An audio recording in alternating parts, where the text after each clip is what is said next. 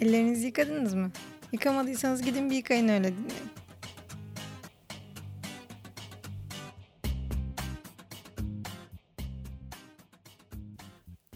Gelişmeleri takip etmişsinizdir. Koronavirüs vakaları dünya genelinde eksponansiyel şekilde çoğalmaya devam ediyor. Hatta dün Sağlık Bakanımız açıklama yaptı Türkiye'de tespit edilen ilk vaka üzerine. Beklenen bir şeydi zaten bu. Yani en azından bu işin matematiğine aşina olan insanlar salgının bu raddeye geleceğinden emindi. Ama neredeyse bir iki hafta öncesine kadar herkesin odak noktası Çin'deki salgındı. Yani ne zamanki İtalya'daki vaka sayılarında patlama yaşandı, o zaman insanlar Avrupa'daki durumda düşünmeye başladılar. Odağın Avrupa'ya kayması da salgının başından beri var olan ama çok da kale alınmamış soruları su yüzüne çıkardı. Mesela hastanelerin yatak ve personel kapasitesinin yeterli olup olmadığı. Biz bunu salgın genellikle Çin'i vuruyorken çok da fark etmedik. Çünkü Çin sadece Covid-19 için 1000 yatak kapasiteli bir hastaneyi 10 günde inşa edebilen bir ülke. Yani Çin'de de yetersizlikler yaşandı ama Çin bunu daha sert ve hızlı tedbirlerle olabildiğince kontrol altında tutmayı başardı. Tabii bunun Çin'de mümkün olmasının kültürel, sosyal, ekonomik birçok sebebi var ama kabul etmek lazım ki en önemli sebep politik rejim. Yani İtalya'da o hastaneye imar izni çıkarmak için gereken belgelerden birini bile hazırlayamazsınız 10 günde. Avrupa'da olmaz o iş. Ben şu an bütün ülkeyi bir anda karantinaya alabilmelerine bile pozitif anlamda gerçekten çok şaşırdım.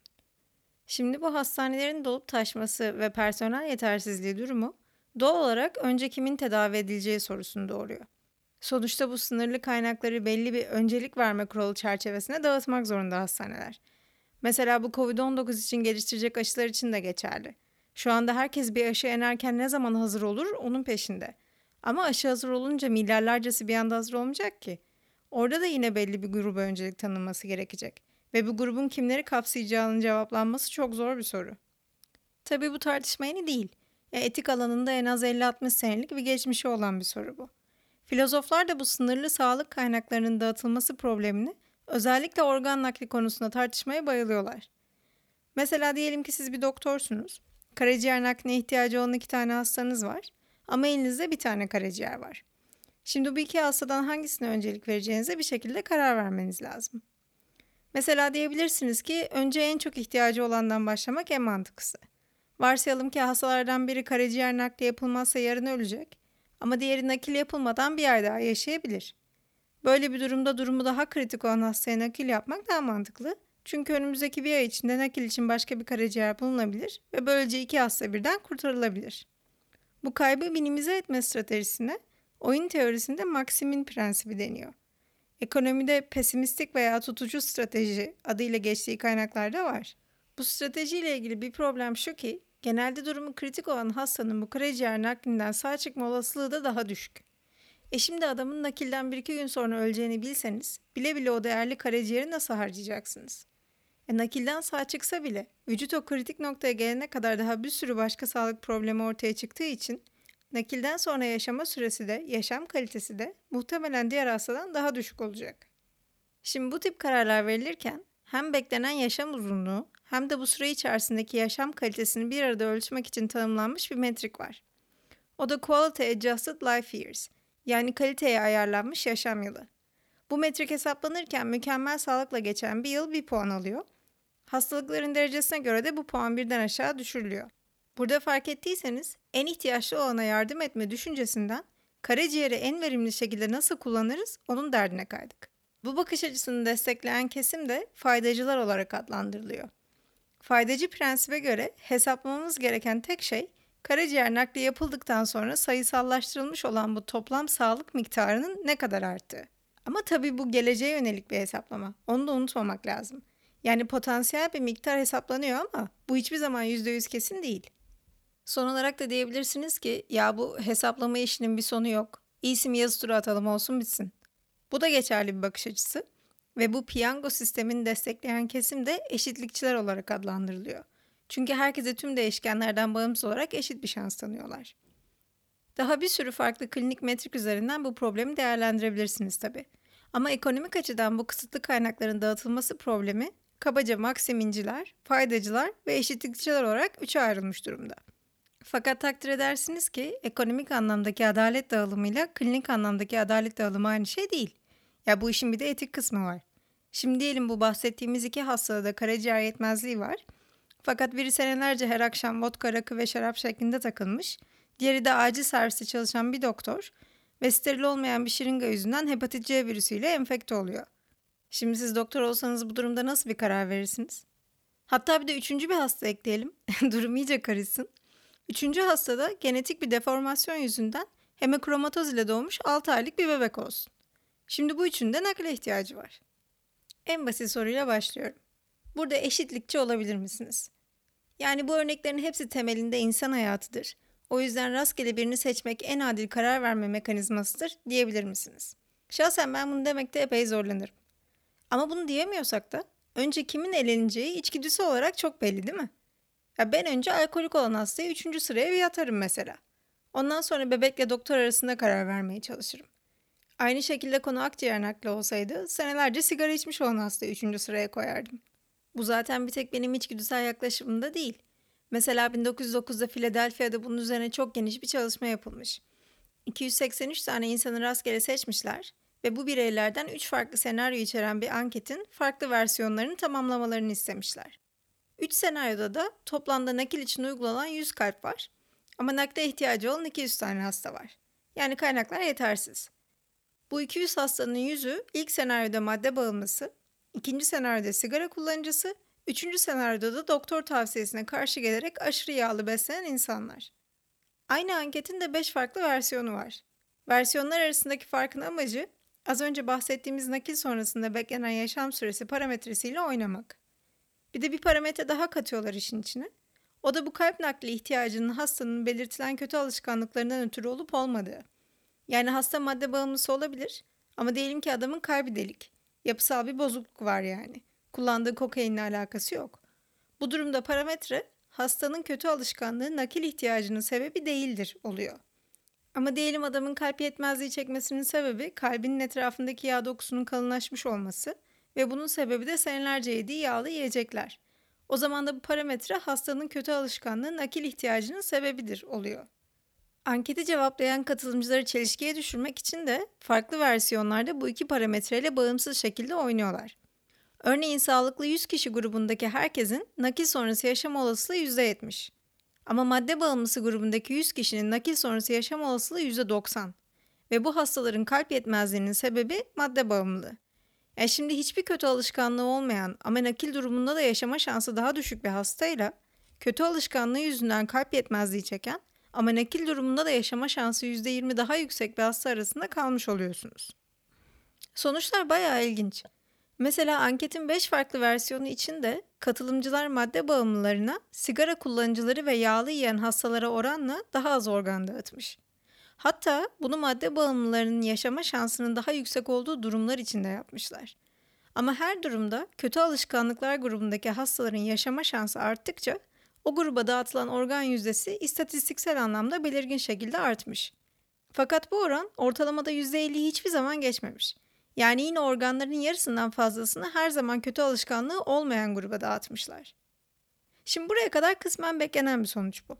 İşin ilginç yanı katılımcıların organları nasıl dağıttığı, kötü alışkanlığın nakil sebebi olup olmamasından tamamen bağımsız çıkmış. Yani hasta kendi sağlık durumundan sorumlu olsa da olmasa da kötü alışkanlıklara sahip olan gruba dağıtılan organ yüzdesi neredeyse aynı. Daha sonra da katılımcılara neden organları bu şekilde dağıtmayı seçtiklerini sormuşlar. Kötü alışkanlığın nakil sebebi olduğu versiyonu tamamlayan katılımcılar genelde hastaların bu kötü alışkanlığın sorumluluğunu taşıması gerektiğini savunmuş. Mesela demişler ki işte sigara içmenin zararlarını bilmeyen yok. Buna rağmen senelerce sigara içen biri içmeyen birine kıyasla yeni bir kalbi daha az hak eder çünkü bu alışkanlığın sonuçlarına katlanması lazım. Bu da görece beklenen bir cevap. Ama kötü alışkanlığın nakil sebebi olmadığı versiyonu tamamlayan katılımcıların verdiği cevaplar çok daha ilginç. Örneğin biri demiş ki, neden kendini ve toplumun geri kalanını önemsemeyen, ve burada muhtemelen pasif içiciliğe atıf yapıyor, insanlara ikinci bir şans verilsin. Yani kalp yetmezliğinin sebebi sigara kullanımı olmasa bile sigara içen adama o kalbi verdiğine değmez gibi bir suçlama var. Bakın mesela burada argüman sigara içen insan o kalbi elinde sonunda ziyan eder gibi bir faydacı yaklaşım değil. Direkt etik bir suçlama var burada. Değmez o adama diyor yani. Bu çalışmanın ortaya çıkardığı en önemli sonuç hastanın kötü alışkanlığının beklenen yaşam süresine ya da hastalıktaki kişisel sorumluluğa kıyasla çok daha güçlü bir etken olması. Ya bu sonuç bu tip kararlar verilirken bilinç altında daha karmaşık etiksel yargılama süreçlerinin döndüğünü gösteriyor. Diyelim ki bu etiksel yargılama sürecinden kendimizi soyutladık. Kişisel sorumluluk meselesi ne olacak? Okula biraz daha mantıklıymış gibi geliyor. Sonuçta kendi sağlık probleminden sorumlu olan insanın o noktaya gelene kadar seçimlerinin sonuçlarına katlanması lazım. Ama bu bakış açısı da ilk anda düşünüldüğünden daha problemli. Sağlıkta kişisel sorumluluk konusu genelde ya madde bağımları, ya sigara kullanıcıları ya da obez insanlar senaryoları çerçevesinde tartışılıyor. Ama bu tartışmanın başlangıç noktası aslında şu an evrildiği durumdan çok daha farklı. 1970'lerde Kanada ve Amerika'daki ilgili sağlık müdürlükleri tutulan faaliyet raporlarında fark ediyorlar ki vatandaşların yaşam tarzı sağlıklı bir hayat sürmelerinde önemli bir etken. Bunu fark edince de halkı ve doktorları hayat tarzının genel sağlık durumunun üzerindeki etkileri konusunda bilgilendirme yönelik faaliyetler düzenliyorlar. Burada iletilmek istenen mesaj aslında hastalandıktan sonra doktora güvenip de yeniden iyileşmeye çalışmak yerine sağlıklı alışkanlıklar benimseyerek kendinizi koruyabilirsiniz. Ama bu mesajın içerdiği sorumluluk duygusu sağlıklı alışkanlıklar benimseyerek bireyin kendini koruması düşüncesinden zararlı alışkanlıklar benimseyen bireylerin sağlık kaynaklarını da daha çok tüketerek toplumun geri kalanının hakkını yemesi argümanın evrilmesine sebep oluyor. Bu noktadan sonra da sağlıklı kalmak için çabalamak bir nevi sosyoekonomik açıdan her bireyin sorumluluğu haline gelmiş oluyor. Çünkü bu çabayı göstermeyenler ekonomik açıdan toplumdaki diğer bireylerin üzerine yük olmuş oluyorlar. Haliyle bir bireyin kendi hastalığından kişisel olarak sorumlu olup olmaması önemli bir soru haline geliyor. Bu da kolay cevaplanabilecek bir soru değil. Çünkü bir hastalığın sorumluluğunu almak demek, öncelikle hangi eylemin hangi hastalığa sebep olacağı hakkında eksiksiz bilgiye sahip olmanızı gerektirir. Yani olası bütün risklerden haberdar olmanız lazım. Daha bu kriterde bile bir ayrımcılık söz konusu. Çünkü daha iyi eğitim almış insanların belli alışkanlıkların risklerinden haberdar olma olasılığı daha yüksek. İkincisi, bu alışkanlığı tamamen kendi özgür iradenizle seçmiş olmanız lazım ki o daha da içinden çıkılmaz bir konu. Mesela düşük bir gelire sahip olan insanların sigara içmeye daha yatkın olduğunu gösteren bir sürü bilimsel çalışma var. E bir insanın ekonomik durumunun doğduğu aileye, ırkına, cinsiyetine bağlı olduğunu gösteren bir sürü çalışma da var. Yani siz doğarken sizin için seçilmiş bir sürü sosyoekonomik durumun sigara içme olasılığınız üzerinde etkisi olabilir. Bakın burada felsefi anlamda özgür irade var mıdır yok mudur tartışmıyoruz aslında. Yani oraya girerseniz zaten bu sağlıktaki kişisel sorumluluk argümanı genel olarak her eylemdeki kişisel sorumluluk konseptine dönüyor. Benim burada bahsetmek istediğim seçmediğiniz ama içine doğmuş bulunduğunuz bir sürü koşulun daha sonraki seçimleriniz üzerinde etkisi olabilme ihtimali. Bu da sigara kullanma kararının %100 sizin sorumluluğunuzda olmayabileceği ihtimalini doğuruyor. Ama öyle durumlar da var ki kişinin kendi sağlık probleminden kesinlikle sorumlu olmadığına %100 emin olabilirsiniz. Mesela iki hastanız var ve ikisinin de akciğer nakline ihtiyacı var. Biri sigara kullanıcısı, diğeri de sigara kullanmayan bir kistik fibroz hastası. Yani kendisinin hiçbir şekilde etkileyemeyeceği genetik bir hastalık yüzünden akciğer yetmezliği çekiyor. E bu durumda sigara kullanıcısının kişisel sorumluluğunu kesin olarak hesaplayamasak da en azından kistik fibroz hastasının hiçbir sorumlu olmadığını biliyoruz. Şimdi böyle bir durumda akciğeri kistik fibroz hastasına nakletmek mantıklı gelebilir. Ama tutarlı olup da bu seçimi yaparken kullandığımız mantıksal argümanları her vakaya uygulamaya kalkarsak o zaman işler baya karışıyor. Çünkü sağlık durumu dediğimiz şey sadece kalp ya da ciğer hastalıkları değil ki. Çok daha geniş bir yelpazeden bahsediyoruz. Aynı şekilde kısıtlı sağlık kaynakları da sadece nakil edilecek organlardan oluşmuyor. Sonuçta her hastanenin belli bir yatak ve personel kapasitesi, aldığı finansal desteğin bir üst limiti var. Eğer bütün bu kaynakları önce genetik bozukluklar sebebiyle hasta olmuş insanlar için harcarsak, kendi rızasıyla hamile kalmış bir kadına hiçbir zaman sıra gelmeyecek mesela. Çünkü sonuçta hamilelikten bu kadın sorumlu. Bu düşünce yoluyla bütün kadın doğum kliniklerinin tecavüz sebebiyle hamile kalan kadınlara tıbbi bakım sağlamadan kendi rızasıyla hamile kalmış hiçbir kadını kabul etmemesi lazım. Ya da aynı şekilde gıda zehirlenmesinden acil servise gelen birini geri çevirmeniz gerek. Çünkü sonuçta o balığı ya da tavuğu yerken aldığı riski hesaplaması gerekiyordu. Bir de öyle eylemler var ki sonucunun sağlığa yararlı mı zararlı mı olacağını kestirmek çok da mümkün değil. Mesela koşarken ters bir adım attınız ve bileğinizi çok kötü burktunuz. Alçıya alınmanız lazım. Ama aslında düzenli koşulara çıkma amacınız kalp damar sağlığınızı korumak. Hatta bu argümanı daha da esnetirseniz sigara kullanmanın rahatlatıcı etkileri sebebiyle mental sağlığınızı koruduğunuzu bile iddia edebilirsiniz. Günümüzde bu komik geliyor olabilir ama 1960'lara kadar doktorlar sigara içmeyi farklı sebeplerden dolayı öneriyorlardı. Yani tabii bunda tütün şirketlerinin çok büyük etkisi var ama o konu ayrı. Çünkü halktan biri olarak eriştiğiniz bilgi sigaranın zararlı olmadığı, hatta bazı durumlarda sindirimi hızlandırmak veya sinirleri yatıştırmak gibi yararlarının bulunduğu. Şimdi yarın biri çıksa dese ki abi brokoli yemek aslında kas ve iskelet sistemine acayip zararlı bir şeymiş diye. E ne olacak o senelerdir yediğiniz brokoliler? Yani şimdinin yaşam tarzını gelecekteki bir sağlık problemine yansıtmak ve etkilerini şu andan itibaren kestirmek de ayrı bir problem. Sonuç olarak yaşadığınız sağlık probleminden sorumlu tutulup etik anlamda suçlanmanız hesaplaması çok karışık bir mevzu. Etik suçlama kısmını geçip de bu probleme sadece ekonomik açıdan yaklaşırsak, sağlık sektörünün ekonomisi de aslında ilk anda düşünüldüğü kadar basit değil. Bir hastalığın tedavisinin ekonomik olarak masraflı olması kadar bir bireyin 150 yaşına kadar yaşamasının da toplum üzerinde bir masrafı var. Mesela sigara ve alkole uygulanan yüksek vergi miktarı bir nevi bu maddeleri kullanan insanların sağlık sektörü üzerindeki ekonomik yükünü dolaylı yoldan geri ödemesini sağlıyor. Ama istatistiksel olarak bu insanlar daha erken öleceği için emekli maaşları ödenmek zorunda kalmayacak mesela. Ortalama yaşam süresi arttıkça bir sonraki nesiller kendilerinden önceki nesillerin emekli maaşını öder hale geldi. Ve bu da son 15-20 yılda dünya genelinde hem sağlık sigortası şirketlerinin hem de emeklilik fonu düzenlemelerinin giderek daha tutucu hale gelmesine sebep oldu. Şimdi burada örnek gösterdiğim karşılaştırmalı hasta senaryolarının çoğu faraziydi. Ama tartıştığımız kriterler gerçek hayatta organ bekleme listesindeki yerinizi belirliyor. Mesela hasta seçimi için hazırlanmış kılavuzlara bakarsanız, alkol kullanımından ötürü doğan organ yetmezliklerinde hastanın bağımlılık seviyesini belirlemek için psikolojik değerlendirmeden geçmesi gibi maddeler var. Yani kişisel sorumluluğu belirlemek veya sayısallaştırmak çok zor diye işin ucunun bırakılması falan söz konusu değil. Şimdi dönelim bütün bu tartışmanın bizi nasıl etkilediğine ya da uzun vadede nasıl etkileyeceğine. Daha dün sabah çok üzücü bir haber okudum. İtalya'da bir doktor demiş ki, her ikisi de ölme riski taşıyan, biri 40, diğeri 60 yaşında iki hasta arasında hangisine entübasyon yapacağımızı seçmek zorunda kaldık. Bu çok zorlayıcı bir süreç ve bizi gözyaşlarına boğuyor ama yeterli yapay havalandırma cihazımız yok. Bakın Fransa ve İsviçre'de vaka sayısı açısından bir İtalya olma yolunda ilerliyor şu anda. Amerika deseniz durum aynı şekilde kötü.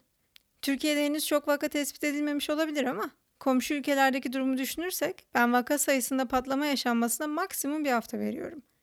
Ya dünyanın hiçbir yerindeki sağlık kuruluşları böyle bir patlamayla baş edecek durumda değil şu anda. E nasıl dağıtacağız bu sınırlı sağlık kaynaklarını? Covid-19 üst solunum yollarını etkileyen bir hastalık. Haliyle sigara kullananlar yüksek risk grubuna girmiş oluyor. Aynı şekilde kalp ve diyabet hastası olmak da COVID-19'dan ölme riskini arttıran etkenlerden. Ve bu iki durumda yüksek kolesterol ve obezite sonucu gelişmiş olabilir. Bu örnek bahsettiğim anket çalışmasındaki senaryolara acayip benziyor. Çünkü kötü alışkanlıkları olan insanların durumu daha kritik ama hastalığın yani COVID-19'un sebebi kötü alışkanlıkları değil. Bir düşünün şimdi burada sigara içene mi içmeyene mi ya da yağlı yiyene mi yemeyene mi öncelik vermek lazım. Hiçbir ek hastalığı düşünmeseniz bile COVID-19'un ölümcül olma olasılığı hastanın yaşıyla çok alakalı. Mesela faydacı görüşü destekleyenlere sorsanız kaynakları 70-80 yaş aralığındaki hastalara harcamak muhtemelen bu kaynakları ziyan etmek olacak. Öte yandan durumu en kritik olanlar da onlar. Bir de buradaki soru sadece COVID-19 hastaları arasından hangilerine öncelik verileceğiyle de sınırlı değil ki. Sonuçta her ülkede yüzlerce farklı hastalık yüzünden tıbbi yardıma ihtiyaç duyan bir sürü insan var. E öte yana yatak kapasitesi denen bir gerçek de var. Ya zaten genç nüfusun endişelenmesi gereken şeylerden biri de bu aslında.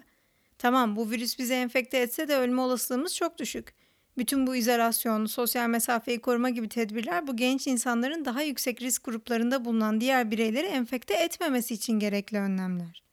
Ama diyelim sizin başka bir hastalığınız var ve bu yüzden düzenli olarak tedavi görmeniz gerekiyor.